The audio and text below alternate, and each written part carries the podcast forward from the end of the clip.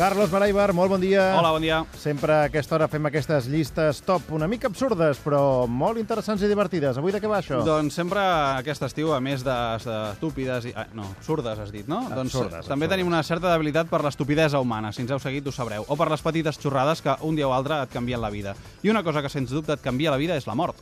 I avui us portem les 5 morts més tontes que hem sabut trobar. Cortesia de l'Economista. Tant et canvia la vida que és que s'acaba la vida, Sí, no? sí, sí. En fi, número 5. El número 5, tot un mestre de la dramatúrgia, Tennessee Williams, va morir el 25 de febrer del 1983 a l'hotel Elysée de Nova York i va ser perquè es va ofegar amb el tap d'un pot de gotes pels ulls que va intentar obrir amb la boca i es van passar. Se'l van passar i es va anuagar. O sigui que es va morir ofegat. Els forenses van dir que l'alcohol i les drogues que portava a sobre i potser els barbitúrics que van tr- trobar per allà hi van contribuir una miqueta, algo. Una mica només, eh? Només una mica. Número 4. Al número 4 tenim un home que és el llibre Guinness dels rècords, es deia Hans Steininger, i el seu, en el seu moment era l'home que ostentava el rècord de tenir la barba més llarga del món, d'un metre i mig aproximadament. Doncs bé, aquest home de la barba llarga, durant un incendi, quan intentava fugir de les flames i amb les presses, es va oblidar de recollir-se la ditxosa barba i tu diràs, i se li va incendiar. Doncs no, se la va trepitjar i es va trencar el coll. La barba li havia donat tota la vida, la barba li va treure tot. Número 3. El número 3, una mica de romanticisme, un romanticisme mortal, però ja ho tenien això els romàntics, és la mort del poeta xinès Li Po, un dels més grans de, de l'imperi del mig, que es diu.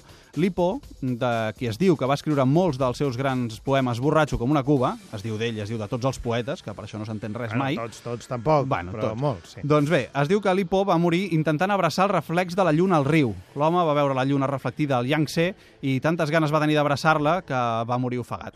Diuen que la cançó de Boig per tu de Sau també va dedicada a la lluna. Eh, Eh, però, però no, sí, sí que en jardins. No. Vale, molt És molt poètic, això d'abraçar la lluna, però, vaja, també perillós eh, si és el llancer. Número 2. Èsquil, un altre dramaturg, aquest, en aquest cas de l'antiga Grècia. Com us podeu imaginar, eh, el que us explicaré a continuació té una fiabilitat extrema, perquè aquesta informació, absolutament absurda, només ha viatjat 2.500 anys en el temps per arribar a aquesta llista. Però bé, en fi, si ens, hi ha, si ens ha arribat aquesta informació és per alguna cosa. El dramaturg Èsquil, pare de la tragèdia, va anar a l'oracle de Delfos. Volia saber el seu futur, exactament quan moriria o com. I l'oracle li va dir que moriria perquè li cauria una casa a sobre.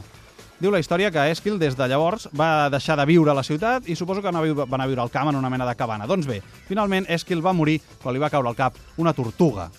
És a dir, Ah, la que casa de- la casa de la tortuga. Ah, que, que cabronet sempre a l'oracle amb aquella doble intenció. sentit, sí. Es veu que en aquella època abundaven les tortugues per Grècia i tal, i els trencalossos, que ara fan caure els ossos de les, des de grans alçades per menjar-se el moll, doncs abans ho feien amb tortugues, amb tanta mala llet pel pobre dramaturg que li va caure, caure a sobre. O sigui, cuideu-vos d'anar a oracles.